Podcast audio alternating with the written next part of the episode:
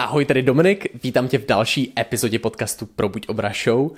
Dnes ti chci představit nového hosta, Tomáše Pětivokého. Tomáš je úspěšný podnikatel, který ho znám už několik let. Pracovali jsme společně i na jednom projektu a já osobně Tomáše moc respektuju právě kvůli tady té oblasti a myslel jsem si, že když ho přivedu před kameru a podaří se mě z něj dostat nějaký věci z toho, jak přemýšlí nad podnikáním, nad startupy, nad odcházením z firmy, tak by to pro někoho z vás mohlo být přínosný. Doufám, že si rozhovor moc užiješ a bude mě moc zajímat, co si o tom myslíš. Užij si to.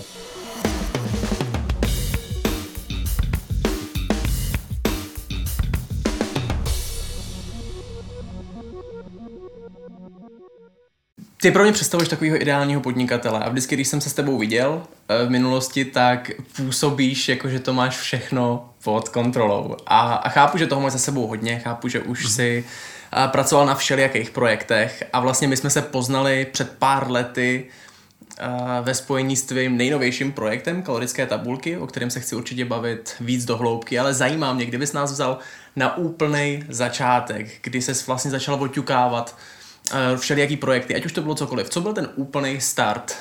Jasně, já nevím, Dominiku, kolik je tobě teďka let? 23, 22? Ano, ano.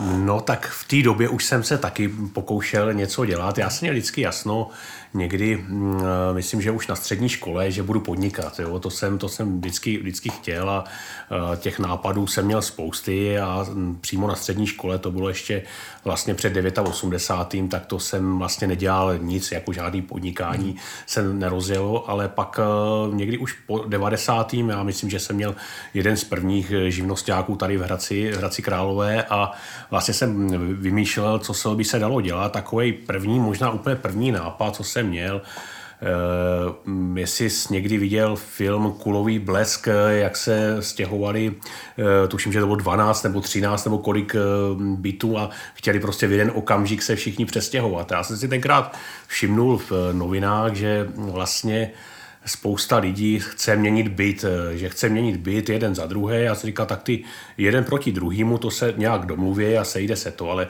co kdybych já udělal software, kde budu dělat více směny, kde budou tři, čtyři eh, a já jim pomůžu vlastně najít takovýhle, takovýhle varianty. Takže to si pamatuju, že to byla vlastně taková, to třeba řeknu rok 90, 91 aplikace, kdy vlastně jsem naprogramoval, možná to takový Sám poslední, to naprogramoval?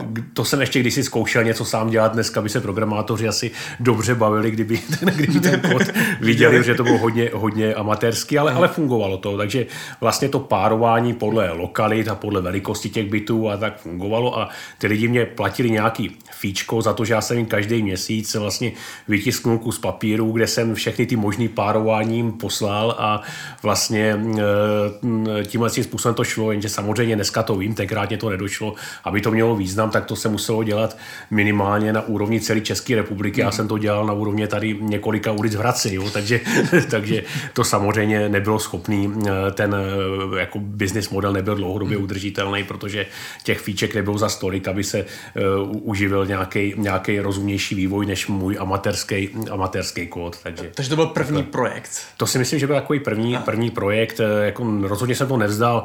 Já ne, ne, to možná někdy bych měl věci, které nejdou vzdávat rychleji, ale tady to jsem nezdal, nezdal po měsíci. To, byl, to trvalo minimálně rok a půl nebo tak nějak. Než si to jsem to se, se, s tím, se s tím bojoval, takže, takže A povedlo jsem, se to, nebo jsi to musel zavřít eh, nakonec? Pak, když, pak, když jsem viděl, že to, že to prostě neutáhnu a neměl jsem žádný kapitál, jsem nikdy nechtěl si půjčovat peníze, abych to prostě uh, udělal tak, aby ta služba byla viditelná po celé republice. To to není jako dneska, že nastavíš PPCčka každý to vidí. Tenkrát uh, jsem přemýšlel na úrovni, kde rozvěsit nějaký plagáty mm-hmm. a takový, ale to se prostě nedalo a tak jsem se rozumně rozhodl, že tady to, tady to dělat nebudu. Mm-hmm. Ještě v té době si pamatuju, to byla někdy doba, kuponové privatizace. Jo. To mě vždycky úplně fascinovalo. Vlastně já jsem taky ze školy trošku jsem tušil, co to je akciový trh, ale uh, půjčoval jsem si knížky, tenkrát v češtině nebylo vůbec nic, tak vím, že ty první jsem tak nějak složitě přelouskal v angličtině a vlastně to mě mm, fascinovalo, vlastně kapitálový trh, jaký má možnosti, jak může ekonomice pomoct. Jo. A vlastně rozjížděla se kuponová privatizace, možná ani nevíš pořádně, o co jde, nebo, no, nebo jako chápu tušíš, koncept, jo, jo, jo, jo, no, No takže v té době byl hodně, hodně jaksi viditelný člověk, který je do dneška velmi kontroverzní, jmenuje se Viktor Kožený.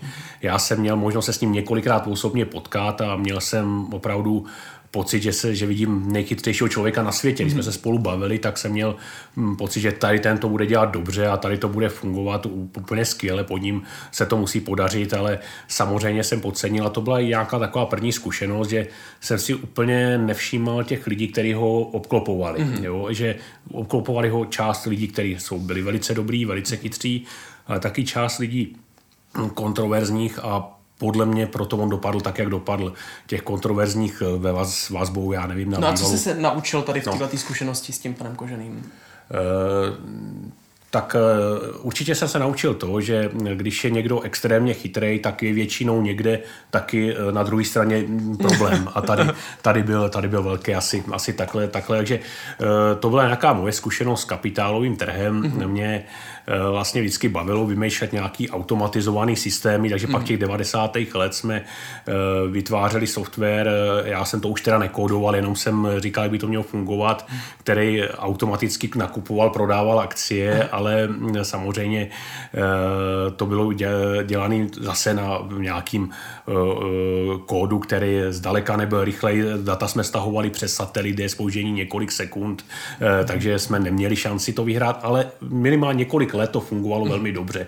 Nedá se to samozřejmě srovnávat s algoritmickým obchodováním. Jakože úspěšně Janečka. si vedl tady ten projekt, že to Jo, to, to fungovalo, Aha. to fungovalo, myslím si ještě do 99.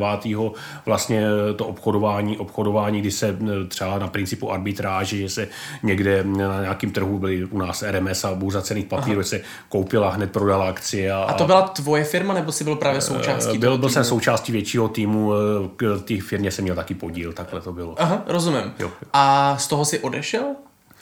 Z toho jsem, z toho jsem odešel, protože jsem chtěl dělat něco, uh, užitečnějšího. Já jsem vždycky Aha. s tím měl jako problém, abych vytvářel nějakou hodnotu, která je trošku líp vysvětlitelná. Aha. Přece jenom, když se mm, koupí krabice a o pár korun dráž se prodá, nebo koupí akcie, o pár korun dráž se prodá, to je, já, jako, samozřejmě hodnotu to taky vytváří, Aha. je to mhm. nějaká likvidita, která vzniká uh, tou krabicí, který si někdo koupí, tak třeba by jinde si koupil dráž a Aha. Mhm. nějakou hodnotu mu dáš, ale nikdy se mě to neuspokojilo, takováhle věc, takže jsem hledal nějakou jinou a vlastně to, to První to bylo v roce 96, nebo 95, teď si nespomínám úplně přesně, jsem si říkal, eh, to je přece poskytování internetu. Eh, přece mm, vlastně... To byla dotcomová eh, bublina. To, ta, ta přišla až za 6 let, Aha. ale bylo to, byla to doba, kdy vlastně existovaly tady zhruba jeden až dva internetoví poskytovatele, těch možností moc nebylo. A mně připadlo, že je to úplně perfektní věc, protože dovedeš nějak, někam internet za obrovský peníze. Já si třeba pamatuju, že tenkrát stála 512, co to, to bys asi nechtěl ani doma, 512 kilobitů za sekundu a něco mě říká, že jsme za to platili 110 tisíc korun měsíčně.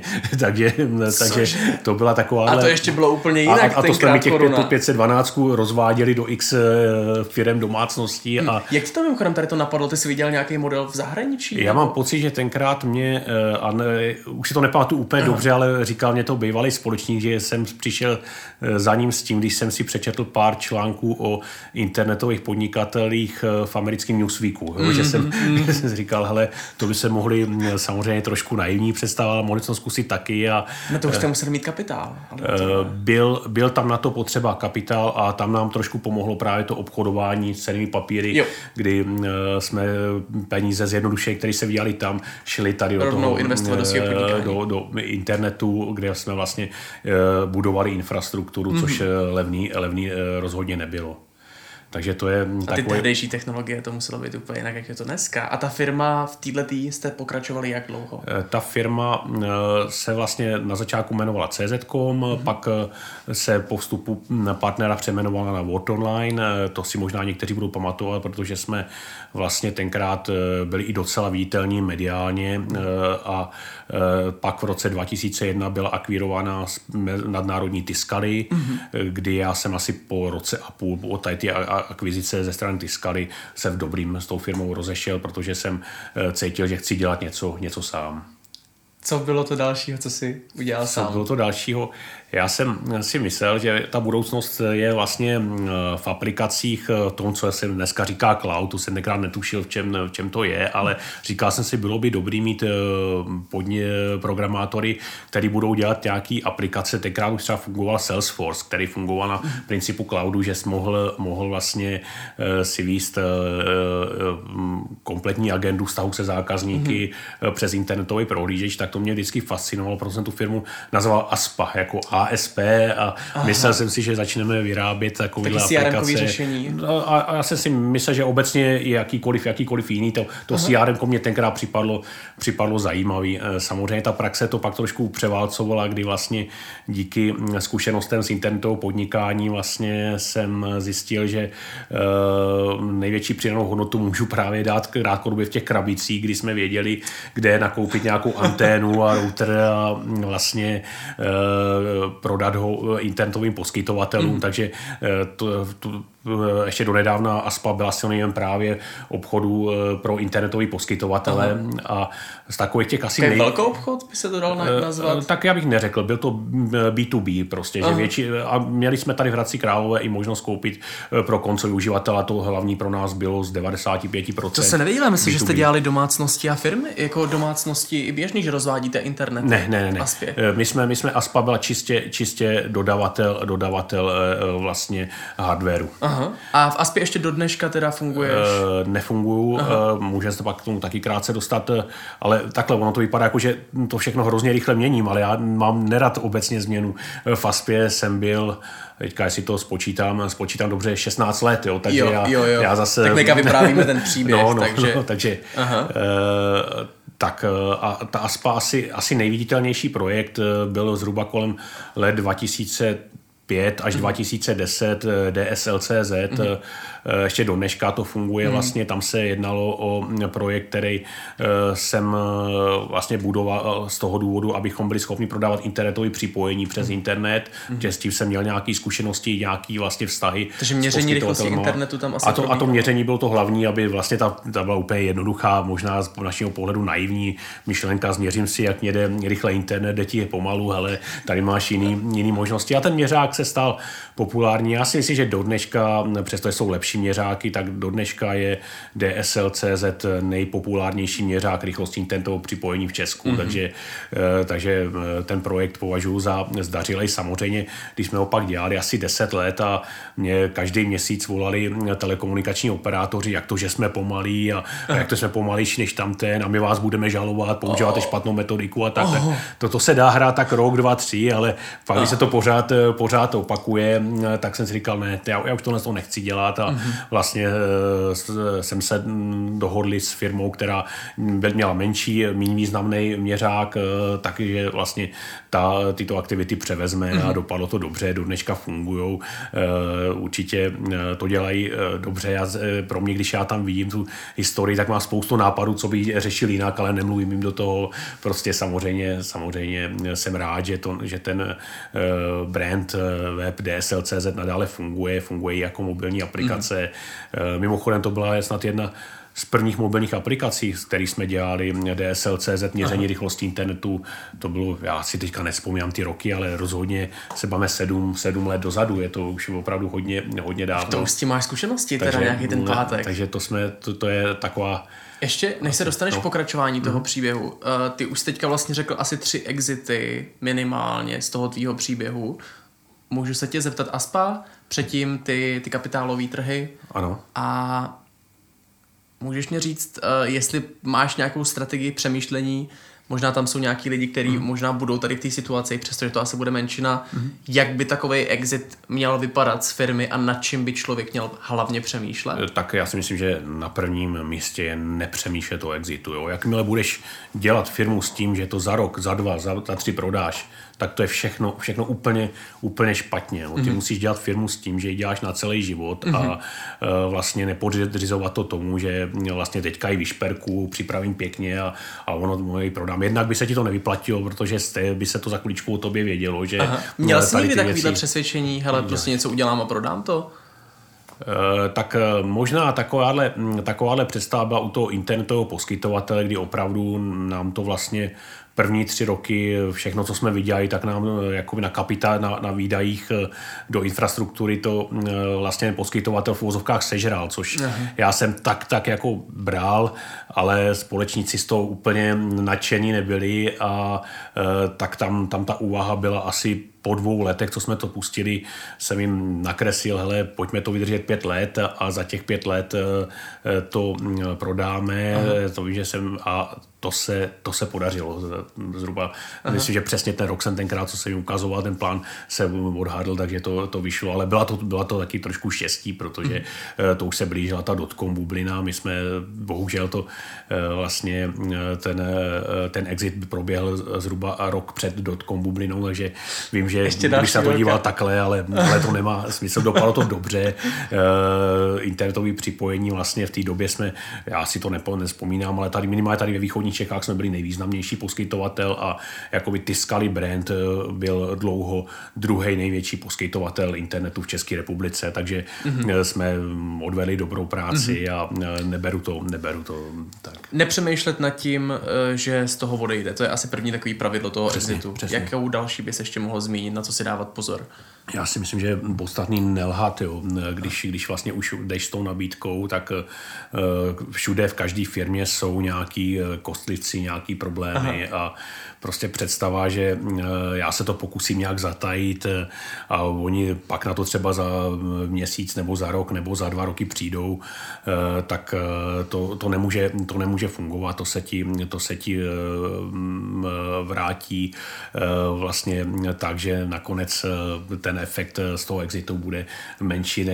Takže já, já, tomu, já tomu nevěřím, musí být člověk rovnej, mm-hmm. rovnej vůči těm investorům a všechno na rovinu, na rovinu říct. Co tam, Já tady k tomu musím asi dodat ještě svoji hmm. zkušenost, protože vlastně jsme si volali asi před dvěma týdny, kdy my jsme řešili s naším projektem uh, právě hmm. taky vstup třetí strany do hmm. našeho projektu a já jsem ti volal uh, s dotazem, protože existovala konkurenční společnost, která hmm. dělala stejnou službu a když jsem se tě ptal, jakým způsobem mám teďka mluvit před investorem o tom hmm. konkurenčním projektu, který mu prakticky patří ten trh, tak jsem čekal, že mě řekneš, hele, zaměř se na funkce, který máte dobrý, čekal jsem prostě nemluv o té konkurenci a ty jsi mě právě jako řekl, hele, přiznej to, jo, prostě jsou největší, ale to neznamená, že to nemůžete dělat, to neznamená, že pořád to není relevantní pro toho investora. A mě to úplně jako otevřelo oči, jako wow, já vlastně si nemusím na nic rád, já můžu říct tu pravdu. A když jsem to řekl, tak oni úplně jako v pohodě na to jako přistoupili. No jasně, že to je, nebyli překvapený tím nebo něco, tak, mm. takže jenom potvrzuju tady tu tvoji, to tvoje přesvědčení, nelhat ať už při exitu, tak i při nějakým slučováním fúze, ať už je to cokoliv. A asi opravdu ani ten poslední chvíli nepočítat na to, že s tím, že exit proběhne, jo, to je spousta firm, kteří to dotáhnou někam, říkají si, tak a teďka to je jistý a za měsíc to máme prodaný a už to bude dobrý. Vždycky přijdou problémy a vlastně e, chce to počítat s tím, že se nedohodnou a ještě několik let minimálně e, to budou mít nebo to budou mít do smrti tu firmu, takže opravdu, opravdu. Takže kdyby ten člověk měl mindset, jo, prostě uteču z toho, tak se bude trápit akorát celou ano, dobu. Ano, ano, mm-hmm. ano, určitě. Mm-hmm. Ještě nějaký třetí pravidlo tě napadne? Při exitu, jestli je něco, na co si dávat pozor. Nelhat, tak, nedělat to s tím, aby, aby se odcházelo. E, jasně. E, asi e, je to komunikace k lidem k, vlastně v rámci firmy, mm-hmm. že mhm. takové věci dochází a mm na rovinu, na rovinu jim to říct a zase, zase nic neskrývat. Jo. To bych asi taky, taky považoval za důležitý, protože ne vždycky to může být eh, příjemná věc. Ten nový investor bude mít, mít svůj tým, bude mít mm-hmm. vlastně nějakou jinou představu, že to bude fungovat, takže je potřeba to těm lidem říct na rovinu a ne, ne čekat, že se to někde náhodou dozví, nebo nedej bože, aby někde po chodbách byly dohady, že vlastně tady to, tady to teďka probíhá, takže jakmile už je ten podpis eh, vlastně eh, hotový nebo je to hodně blízko, zavolat si a na rovinu jim to říct, co se, co se děje. Mm-hmm, takže otevřený být no, v celém no, tom procesu. No, no. A když už jsi teda byl v roli uh, toho investora, uh, který buď to teda bude držet tu firmu, nebo ji bude prodávat dál, byl jsi někdy v roli, kdyby si skupoval nějakou organizaci, nějaký projekt? Jo, tak to Máš asi taky, nějaký taky no, příklad, taky. který ti Ale to jsou všechno, všechno malé věci, jo. No, Aha. ani ty exity nejsou žádný prodeje, dáme jídlo za desítky miliard, nebo Mhm. takový, to jsou všechno drobný, drobný peníze, ale... Drobný a, peníze v řádek milionů. No, no, Jo. no. Eh, A desítek milionů. je- Ten řád by to je, mm, teďka asi úplně neumím, neumím popsat, ale vlastně eh, eh, co se týče akvizice, tak pro mě je vždycky asi nejpodstatnější poznat ty lidi, o který zatím jsou, vidět, vidět eh, to většinou. Já si myslím, že minimálně od, odhadnu vlastně, jestli eh, ten jejich eh, záměr prodávat je čisté, že jsou opravdu v situaci, že chtějí dělat něco jiného a tady to jim třeba úplně nepasuje a Aha. podobně. Takže my jsme, nedělali jsme nikdy žádný velký, velký akvizice, ale pár, pár projektů jsem kupoval a vlastně zase nemůžu nikdy říct, že by to dopadlo špatně. Jo. Ne, ne, ne, nebyl to žádný zázrak nakonec, ale... Koupil jsi někdy projekt ještě těsně předtím, než vydělával peníze? No, no. Aha. A, Já je- si myslím, že třeba je případ i na tom začátku internetového poskytovatele, že jsme vlastně, tady byl jeden eh, poměrně eh, dobrý eh, internet poskytovat v Pardubicích, líbilo se mně, jak to dělají Mhm. a s nima jsme se dohodli, že vlastně jsme od nich eh, tu jejich infrastrukturu bez, bez lidí koupili a Aha, eh, to, mě, to mě dávalo smysl. Kdyby za tebou teďka přišel startup s nápadem nebo s Mhm. projektem, třeba v polovičním rozpracování, ještě by nebyl uvedený na trhu, a co by tě zajímalo nejvíc? Mě by nejvíc zajímalo, jestli jsem mu schopný nějak pomoct, jo? protože uh, role nějakého pasivního, pasivního uh, investora nebo tak to mě, to mě nebavilo, to je jedna věc. A druhá věc, jestli s těma věcma, který dělám, eh, jestli tam jsou nějaké synergie. Uh, pokud by tam nebyly, uh, asi, asi a ty obě dvě podmínky musely být splněný. No a Že by si samozřejmě- nechtěl vstupovat jenom kapitálem, ale taky s No. tvým know-how, svým No, týmem. no, no, no, Aha, no. rozumím, aby si něco přinesl Takže takhle, ale, ale obecně eh, je to, je to čím dál těžší a eh, vlastně eh, já si myslím, že to není prostě jedna z deseti věcí, se dneska povedou těch startupů, ale jedna ze sta, takže Hmm. velká, velká opatrnost na mé straně určitě. Mhm, rozumím. A, a ještě ze strany toho startupu, když teda žádá o investici nebo uh, možná i buduje projekt s tím, že bude chtít investici, jaký mindset, jak, jak by nad tím ten startup měl, měl přemýšlet tak, aby skutečně uspěl, aby se třeba vyvarovali nějakým nebezpečím?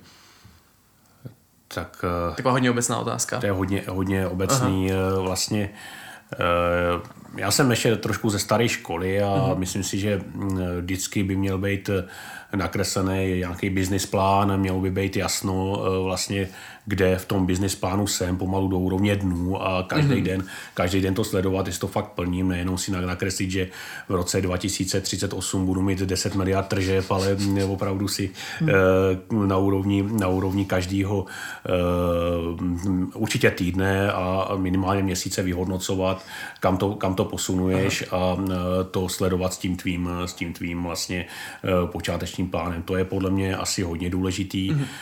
Já si dneska myslím, že prostě je eh, taky hodně důležitý eh, mít službu, která je mezinárodní. Je, mm. je vlastně, mm, eh, bude hodně málo služeb v globalizované ekon- ekonomice, které můžou fungovat samostatně jenom v České republice. Mm. Jo. Pokud ne, Měl by nad tím startup eh, přemýšlet no. už od samého začátku?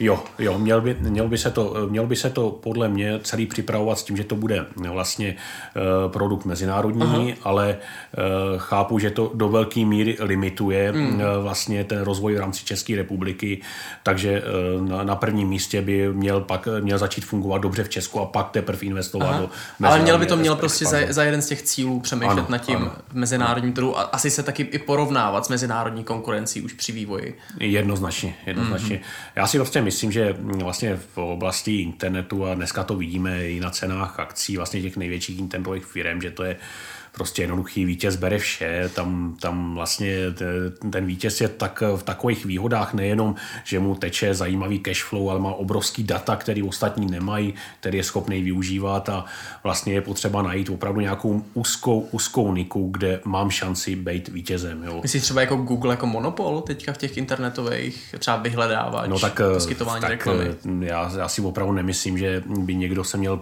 pokoušet eh, konkurovat službám Google, kdy mají, tuším, tuším, že 80 tisíc inženýrů a ještě těch pomalu nejchytřejších na světě. Měl mm-hmm. jsem párkrát možnost vidět, jak, ten, jak u nich funguje vlastně proces výběru talentů. A, Aha. Ale ten tam... mindset toho budování biznesu by měl být v takovémhle měřítku. Ano, ano, pojďme, pojďme, pojďme udělat službu, která bude nejlepší, nejlepší na světě a, mm-hmm. a, a hlavně já vím, že to je těžký a ta služba nesmí být moc složitá, protože pokud budu zavádět nějaký, sám si tady něco budovat, tak představu vlastně e, to trošku vidím u naší aktivity hotelových rezervačních systémů, že vlastně jsme schopni konkurovat někomu, kdo Myslíš má tisíce, ano, ano, Aha.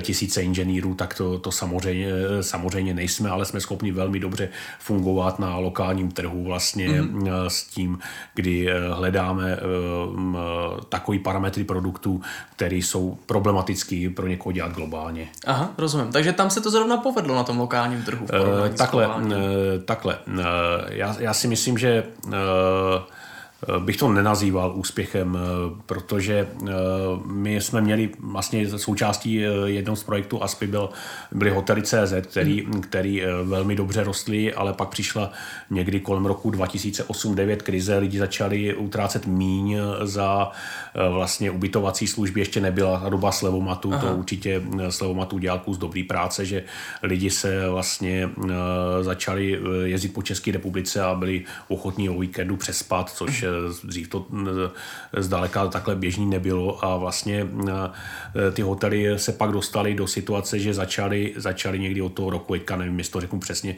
2011, 10, 11 začaly klesat a to je problém v okamžiku, kdy to hospodaření máš zhruba vyrovnaný, mm-hmm. tak vlastně to jsme hledali, hledali nějaký, mm-hmm. nějaký varianty, kde nám vyšlo nejlíp se spojit s úspěšnou skupinou Online Holding, která vlastně měla tu výhodu, že kromě, kromě rezervačního portálu Hotel.cz mm, vlastnili ve svým vlastně portfoliu produktů eh, takzvaný PMS systém, Property Management System Previo, který je v, ve stovkách eh, českých hotelů mm. a penzionů implementovaný, takže tam to dávalo logiku, nějaká synergie. Mm, ale samostatně ten projekt o sobě to by bylo těžký, mm, to by mhm, bylo těžký. Mm. No. Rozumím. Eh, kdy jsi se dostal a proč si vlastně se dostal ke kalorickým tabulkám, to je vlastně projekt, kterýmu se teďka věnuješ jo. úplně nejvíc. Co tě k tomu vedlo založit portál mm-hmm. v oblasti zdraví? Takhle, já jsem vlastně, když jsem byl v tvým věku, tak já bych řekl, že jsem dělal snad úplně všechno nejhůř z pohledu zdraví, jak eh, to mohlo být. Nepamatuju si, že bych nějaký sport. Já si myslím, že jsem ani do práce nebyl ochotný chodit pěšky, že jsem jezdil, jezdil autem, byť bych to došel v pohodě tady po Hradci. Eh, eh, pamatuju si, že jsem byl v práci možná v průměru 12 hodin denně a pokládal jsem za naprosto zbytečný se zdržovat nějakým obědváním nebo něčím takovým. Ráno jsem tam přišel a nechápal jsem, proč se musí ostatní chodit někdy ve 12 na oběd. Já jsem fakt v té době nechodil. Jsem říkal, já je tady spousta práce a já nebudu přece teďka chodit někde na oběd. Uh-huh. Takže jsem vlastně Eh, takhle fungoval, pak jsem to doháněl večer, eh, jednou eh, za týden, ještě kromě nějakého jídla jsem se rád zašel na pivko a vlastně jsem viděl, že fakt váha stoupá, stoupá dost a říkal jsem si, jak je to možné? Měl jsi nějaký problém zdravotní? Uh, jako vážný nikoliv, aha, vážný aha. nikoliv, jako takový ty běžné záležitosti, že se člověk třeba více zadechá, než by se měl, ale, ale jinak nic, nic vážného. No ale eh, jsem si říkal, jak je to možné, teď ty tady všichni tolik jedí a já nejím vůbec a eh, vlastně já tady takhle, takhle vlastně stoupá váha, tak jsem si pořídil nějakou excelovskou tabulku nebo tenkrát to takový počítač předchůdce vlastně mobilních telefonů Palm Pilot, možná někdo bude pamatovat a tam jsem měl tabulku vlastně jednotlivých jídel a tam jsem si vlastně znamenal, kolik uh, té energie do sebe dostávám. Byl jsem pak skoro šokovaný, co vlastně tam večer do sebe naházím Aha. a to byl takový první impuls, když jsem si to dělal pro sebe a, a pak jsem si jednoho dne, někdy teďka fakt nevím, jestli řeknu rok správně, Eh, ale bylo to, bylo to třeba 2005, eh, jsem si řekl, tady už tu tabulku mám, jak jsem to furt někde opisoval schánil, tak proč bych ji nedal, nedal na web, tak se tam ta tabulka objevila na webu, mm-hmm. kalorické tabulky to nazvalo, byla tam na webu, já jsem se o to vůbec nestaral. Mm-hmm. Měli jsme jiný projekty, které mě zajímaly, asi tenkrát hlavně to DSL.cz mm-hmm. a vlastně tam tomu jsem věnoval hlavní energii a vlastně pak jsem se po nějakém čase podíval na statistiky návštěvnosti a DSL.cz ano, rostlo pěkně, ale ty kalorické tabulky, ta blbá jedna jednoduchá tabulka, kterou jsem dal na, sám na web. Si udělal? To bylo to získaný data z různých, z různých zdrojů, částečně Aha. sám, obsaný z potravin, Aha. částečně někde, někde i koupená, tam byla jedna databáze, Aha. tak vlastně jsem viděl, že, to, že takováhle hloupá věc, jenom obyčejná tabulka je vlastně nejrychleji rostoucí můj projekt. Jsem říkal, aha, tak, tak asi bych se to měl věnovat víc, než to jednou, jednou za čas trošičku aktualizovat, ale rozhodně to, to, když jsem si řekl, že vlastně opravdu kalorické tabulky měly být mým hlavním projektem, tak to ještě několik let mm-hmm. trvalo. Jo. To, mm-hmm. ještě, to mm-hmm. ještě zas tak úplně jistý jsem si nebyl. Samozřejmě realisticky jsem viděl, eh, jak jsou silný ty jiné aplikace zahraniční a vlastně... Eh, a proto se ti do toho je, asi ani nechtělo. Jo, to je vždycky ke zvážení, jestli, jestli má, smysl, má smysl proti takové konkurenci bojovat, ale mm, možná to není správný výraz bojovat, ale prostě jestli mám šanci získat, získat rozumný tržní podíl v České republice u takové aplikace a mě pak vycházelo, že ano a, mm-hmm. a v tu chvíli Teď jsem se... na tom jak s klarickými tabulkami oproti konkurenci v České republice? Eh, tak eh, tam je, tam je eh, ta výhoda, že vlastně máme obrovský hm, silnou komunitu lidí, kteří vlastně nejenom ty, tu aplikaci používají, ale i pracují na databázi, oni zadávají nová jídla, dávají návrhy na opravy, takže je vlastně tuhle tu chvíli, co jsem nějak, jsem to počítal na asi před půl rokem, tak jsem si úplně jistý, že mají přes 80% tady těch, těch calorie counterech a je možná to i přes 90, takže Manečku. tam to vychází, vychází eh, za, eh, zatím dobře. Musíme se hodně snažit, protože eh, opravdu si nemyslím, že jenom ten, jak si ta stávající základna, ten jakýsi brand kalorické tabulky nás udrží. Musíme tu aplikaci pořád zlepšovat a jenom taky šance, že budeme fungovat, fungovat dobře dál. Mm, rozumím. A jak se ti podařilo v rámci toho tvýho zapisování eh, kalorických tabulek, jakým způsobem to by se změnilo přemýšlení nad svým zdravím? Eh, tak eh, jak je na mě vidět, do dneška to není asi úplně ideální, ale Eh, změnilo se eh, razantně. Já jsem hmm. si tenkrát myslel, do dneška si to i do, dost lidí myslí, že vlastně stačí, když se začnou hejbat, jo? když hmm. začnou prostě jezdit na kole nebo víc, víc chodit a podobně, ale, ale on tak není. Ono je potřeba to nakombinovat. To, ta první moje věc byla, když jsem začal hejbat, že jsem začal jíst ještě nezdravějíc a ještě do sebe ty nes, nesmyslné věci spát a vlastně pochopil jsem pak, že je potřeba udělat eh, tu změnu eh, na obou dvou stranách. Myslím si, že je to potřeba z víc než 50% na straně, na straně jídla mm-hmm. a to mě potvrzuje i dneska vlastně, když se podívám do statistik kalorických tabulek u těch nejúspěšnějších lidí, takových, kteří byli mm, desetkrát úspěšnější než já, jak vlastně oni, oni se co, co změnili a co je vlastně vedlo k tomu, že třeba váhu snížili o 10% a to je vždycky tak, že eh, tam byly zásahy na prvním místě do jídelníčku, něco, co já do dneška nedokážu, že skoro bez výjimky všichni jedí pravidelně mm-hmm. i mhm. mají svačiny a to já, já do dneška úplně taky nedodržuju, takže mm-hmm. uh, pomohli mě, ale k, k ideálu, jak mě vidět, je ještě hodně, hodně daleko. Ty, my jsme na tomhle projektu, ty jsi dělal eh, svůj vlastně takový podprojekt kalorických tabulek jídelníčky úspěšných, mm-hmm. kde si právě pracoval s úspěšnými uživateli kalorických tabulek a tam si musel vidět všelijaký data toho, co vlastně lidi dělají proto, aby se jim skutečně podařilo snížit a udržet tu váhu. A jeden teďka, co si řekl, takový příklad je, že jeděj eh, pravidelně i svačiny, to znamená, že pětkrát, šestkrát denně, ano, ano, ne, ne, neplatí to ve 100% případů, ale Aha. Eh, co tak na hlavě, co jsem ty jídelníčky projížděl, tak 80% eh, plus jedí, jedí pravidelně. Aha. Jo, Jak to bylo jo. s pohybovými aktivitama těle těch úspěšných lidí? Já, já na tom nevidím nějaký silný vlastně signál, že by se ty lidi nějak extrémně hejbali. To opravdu, opravdu ne, je, jsou tam i případy, které byly úspěšní a ty pohybové aktivity, může to být i ze zdravotních důvodů, mm-hmm. jsou minimální, že to je nějaký eh, chození jednu hodinu týdně a, a, a stačí ležet. Já jsem to tam, já jsem to tam úplně, úplně silně neviděl. Mm-hmm, rozumím, takže opravdu ten jídelníček udělal obrovský ano, rozdíl. Ano. Já kalorické tabulky chápu jako takovej, ale nemyslím teďka vyloženě tvůj brand kalorické tabulky, mm. ale obecně hlídání si toho, co každá potravina obsahuje. Já to vidím užitečný z hlediska toho feedbacku, protože obecně lidi nevědí, co do sebe dávají. Hmm. A když teďka dáme jedy stranou a Ečka, aditiva a všechny tyhle ty věci, tak jsou základní principy, které platí pro všechny potraviny. Existují sacharidy, bílkoviny, hmm. tuky a Tohle je taková hlavní výhoda, kterou já vidím v kalorických tabulkách, že když si to začnu zapisovat, já, já trénuju lidi, já dělám poradenství, tak pořád nemám představu o většině potravin, které tam venku jsou. Když to píšu, tak najednou vidím, aha, ten banán, který se doporučuje, tak třeba není úplně skvělý ho jíst třikrát, čtyřikrát denně, protože dostanu do sebe víc cukru, než kdybych si dal třeba jednu tyčinku. A to je extrém samozřejmě. A teď mě zajímá, kromě tady té výhody, jakou další takovou přidanou hodnotu vidíš v používání takového toho systému? Protože lidi na tom tráví hrozně času.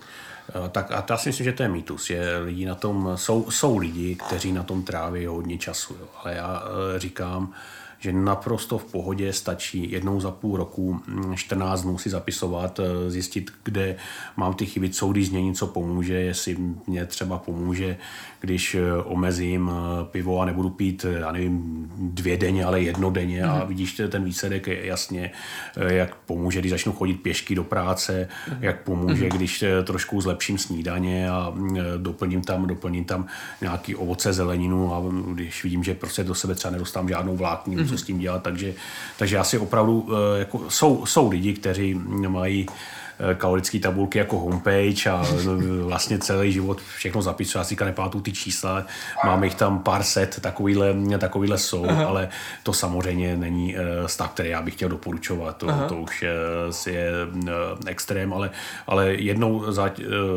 půl roku, 14 dní zapisovat mě dává hodně velký smysl. Mm-hmm. Z jakého důvodu by měli teda lidi 14 dní za půl roku No, protože každému se uh, návyky mění. Mhm. Trošku, mm-hmm. trošku uh, vlastně pohybové aktivity se mění podle sezóny, uh, něco se uh, je, uh, vlastně jídlo je jiný k dispozici, mm-hmm. trošku se mění chutě s věkem a podobně, takže je potřeba, potřeba se jednou za čas na to podívat a mm-hmm. zhodnotit. A hlídat, jestli no. ty data odpovídají těm ideálním no. hodnotám. No, já, já bych ještě hodně upozornil na ty uh, hlídat ideální hodnoty. Aha. To je taky někdo má tendenci vlastně si říct, že je potřeba se dostat v bílkovinách za den na takovou a takovou hodnotu a, mhm. a být nešťastný z toho, že to o jeden gram mm-hmm. překročil. Já tady v tomhle tom všem úplně bez problému plus minus 20% není žádný problém. Mm-hmm. Asi bych eh, byl opatrný, když tam budou, budou několika násobky, několika násobky sacharidů a podobně, mm-hmm. to už, to už ty, ty víš eh, dobře, nebo když tam bude polovina doporučeného množství bílkovin, to taky není úplně mm-hmm. dobrý, ale, mm-hmm. ale to úplně přesně hlídat a dolaďovat si, já si tady ještě něco dám, jednu papriku, abych se tam dostal, dostal vejš, to mě připadne zase taky extrémní. Mm-hmm, rozumím. Uh, takže jsme si řekli, že hlídat a vlastně uh, ne hlídat jako takový ty niance, ale spíš extrémy, jestli ano, není ano. člověk úplně mimo. A zároveň je to taková vzdělávací funkce, že oni najednou se lidi dozvědí díky tomu, co mají vlastně jíst ty sám, když si používal vlastně tady ten systém a začal si dávat pozor na potraviny, jak jsi uvědomil, jaký to je těžký, eh, vlastně dávat si pozor na to, co člověk jí a, a vymanit se z těch návyků. A vypadlo ti teďka po těch několika letech, co pracuješ tady na tom projektu, něco vyloženě, ať už třeba z reference někoho, kdo vám poslal svůj feedback, anebo možná ze zkušenosti vašich přátel nebo tvých přátel, něco, co vyloženě pomohlo těm lidem udělat tu změnu ve svém životním style, co bylo tím hlavním impulzem, kdy oni se překopli na ten, na ten druhou stranu a řekli si, jo, teďka to musím udělat a skutečně to dodrželi? To je tak těžký říct jednu, jednu velkou věc. Já si myslím, že mm, to, co hodně lidí nakopne, je věk. Prostě si říká, je, tyjo, já už mám po 40 a ještě mm nechci umřít, ještě třeba bych, bych ještě tady pár let byl, tak co můžu dělat, ale jinak Aha. jako nějakou, nějakou úplně silnou věc, Eh, to, to, to říct neumím. Já, já jsem slyšel o poradcích, myslím, že i tady v tom našem městě jsou takový, který velmi dobře fungují tím, že, že vlastně jejich eh, klienti se jich boje, jo, že odcházejí slečny, slečny s brekem od nich a asi to taky funguje, jo, tak asi to je taky jedna z věcí, ale to já bych, eh, to není, není styl, který bych já Aha. doporučil. Já vím, že ty jsi spolupracoval s řadou odborníků právě na tom, no. aby ten systém byl správný tady v tom, takže je mě jasný, že v tom máš vhled. A když si tolik pracoval a vlastně ti dělalo i problém zařadit nějakou změnu do vlastního životního stylu, jak vlastně fungovalo budování biznisu společně s budováním rodiny u tebe, Zažíval jsi tam nějak, nějaký tlak, nebo to šlo přirozeně všechno? Já, já si myslím, že já jasně trošku výhodu, že ten extrémní, extrémní časový zatížení byl, když jsem dělal pro tenkrát nadnárodní firmu a to jsem ještě rodinu neměl. Mm. Jo. A já jsem vlastně, když jsem z té firmy nadnárodní odcházel, jsem říkal, tyjo, takhle já nechci. Nechci žít, abych eh, vlastně měl eh, směna, když to hořelo, začínala ve 4 ráno a končila, končila třeba 7-8 večer a to jsem, to jsem nechtěl. Takže i tím, že jsem vlastně pak změnil, změnil práci a řekl jsem si začátku si naivně myslel, že víkendy budu mít vždycky už jenom pro sebe, tak to, to do dneška úplně tak není, ale, ale eh, takže mě pomohla, pomohla tady, ta, tady ta změna no a nesporně je třeba pro mě velkou výhodou, že bydlíme v domě, kde uh, jsou i moji rodiče. A takže když se vlastně uh, narodili dcery, tak uh, hodně, hodně, hodně věcech nám pomohli a za to jim určitě patří. To slyším ale už jako no. ze spousty stran lidí, že to, co prožívají jako největší pozitivum, když žijou právě v, v oblasti svých rodičů, že opravdu pomáhají s tím letím obdobím, kdy to dítě prostě potřebuje pozornost a třeba, třeba seš v práci. A ty máš to nejproduktivnější období, zvláště ti, ti, co mají e, vlastně děti dřív, než já jsem měl první e, dcerku vlastně, když mě bylo 33, takže relativně mm. pozdě, mm. ale... To mě řekni, protože no. o tom jsme se bavili nedávno, že koluje hodně takových přesvědčení, že opravdu musíš mít děti ve 20 a jako když už ve 30, tak je hrozně hrozně pozdě. A mně u tebe přijde, jak ty to jako vedeš a vídám tě jenom jako k, ne zas tak často, že ty věci fungují, jo, že opravdu i ta, ta rodina funguje a dáváš si na všechny věci pozor, vidím, že oni jsou prostě spokojení a právě pro mě to je skvělá reference, že nemusí být člověk nutně ve stresu, aby do těch 30 nutně prostě tu rodinu založil, protože tam jsou pořád cesty, jak to udělat i potom a pořád ještě být spokojený a šťastný. Určitě. Rozumím. V těch kalorických tabulkách ty jsi zmiňoval data, o kterých jsme se bavili už několikrát společně kdy ty vlastně můžeš sledovat, eh, jakým způsobem se mění trendy.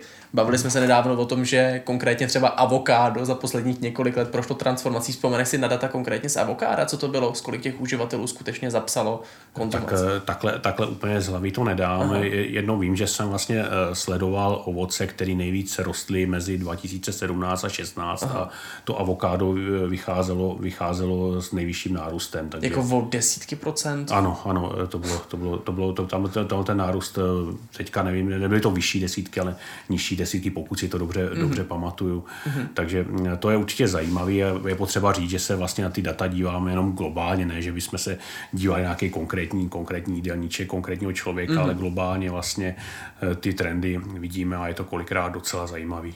Můžu se tě zeptat, já vím, že jsme se o tom, o tom bavili kvůli rozhovoru, jsem ti dal takový domácí úkol na tady to téma. Mm-hmm. Jestli, uh, když se podíváme jenom na ty pohybové aktivity, které nebyly zas tak důležitou součástí těch mm-hmm. jídelníčků úspěšných, toho, proč vlastně mm-hmm. spousta lidí uspělo, jaký je takový nejpopulárnější uh, pohyb, který lidi zařazují do svých, do svých plánů? A tak um, oni tam vlastně kalorické tabulky umožňují jakýkoliv činnost tam zadat, i třeba řízení auta, tak asi, asi, to, asi to smažeme, protože že to mě Hodně lidí tam zřízení auta. no, taky, taky, tak to je zbytečný, ale samozřejmě nej, nejčastější pohyb chůze, to je, to je jasný v různých, různých mm. rychlostech. Ale spousta lidí a... si neuvědomuje, že i to je ale funkční, že i u ano, chůze ano. se člověk může zapotit. Tam je, tam je důležitý, že vlastně dneska si můžou snadno ty data předávat do kalorických tabulek automaticky, stačí mít nějaký ten, e, nějaký ty wearables, hodinky nebo náramek a e, vlastně automaticky každý pohyb v kanceláři, tam ty kilojouly minusem mají.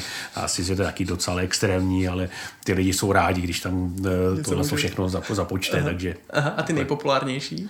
Eh, takže eh, nejpopulárnější je určitě chůze běh, ale co já sleduji trendy, tak opravdu se ukazuje, že meziročně hodně roste takový, takový cvičení doma různý, takový úplně jednoduchý věci, jízda na rotopedu, tam je určitě ve vyšších desítkách procent nárůst meziroční.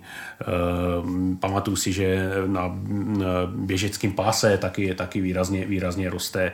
Samozřejmě běhání jako takový roste, ale to není nějak dramatický, protože to už ten největší zestup má v minulých letech, letech za sebou. Mm-hmm. Pak i takový fakt drobnosti jako dřepy a podobně, tak to, to jsou všechno věci, které hodně rostou, takže mm-hmm. lidi, lidi se učí doma cvičit a, a funguje to. Mm, rozumím. Abych to uzavřel, abych ještě netrápil, napadá mi poslední otázka, která není spojená s kalorickými tabulkami, je to ještě spojený teďka na tebe jako podnikatele. Jakým způsobem, když už si dělá tolik firm, tolik projektů, vybíráš lidi k sobě do týmu? A teďka nemyslím nutně jenom ajťáky, teďka myslím obecně, jestli máš nějaký kritéria pro tým, kterým se obklopuješ tak eh, je potřeba, potřeba, že to je vlastně nejdůležitější činnost, tak je potřeba tomu věnovat eh, opravdu dost času a mm-hmm. mít eh, opravdu možnost výběru. Teď je to mimořádně těžký, zvlášť lidma v oblasti IT, kdy ten výběr je zúžený, ale mm, je lepší mm, díl čekat a hledat někoho pravýho, než za každou cenu, za každou cenu vlastně chci říct, tak teďka nemůžu sehnat programátora na tu a tu technologii, tak teď hned musím kohokoliv přijmout. Mm-hmm. To si mhm. myslím, že by, že by nefungovalo, takže chce to čas. No a já jsem někde slyšel, není to z mé hlavy, ale podle mě to sedí. Musí být všechno, všechno lidi, s kterými já si říkám, já bych s ním šel na pivo. Jo. Mm-hmm. To, je, to je pro mě důležitý. Uh, by tě bavilo s ním vůbec já, já se musím do té práce, i oni se musí do té práce těšit a nemůže to být, že jako je ve spoustě korporací, je se tam vymýšlí pozor, tady na toho si dej pozor, předtím nebuď upřímnej, předtím eh, no. nesmí, nesmí říct, co, tě, co se ti tady nelíbí, uh, ten tě dá díku do zata, tak to by mě, to mě nesedělo. Mm-hmm. Rozumím. Mm-hmm. To já jsem si to moc užil. Díky ti moc za rozhovor. Dom, Dominiku taky děkuju. A doufám, že ještě se u nás ukážeš show, protože tohle to rozhodně bylo přínosný. Díky. Díky.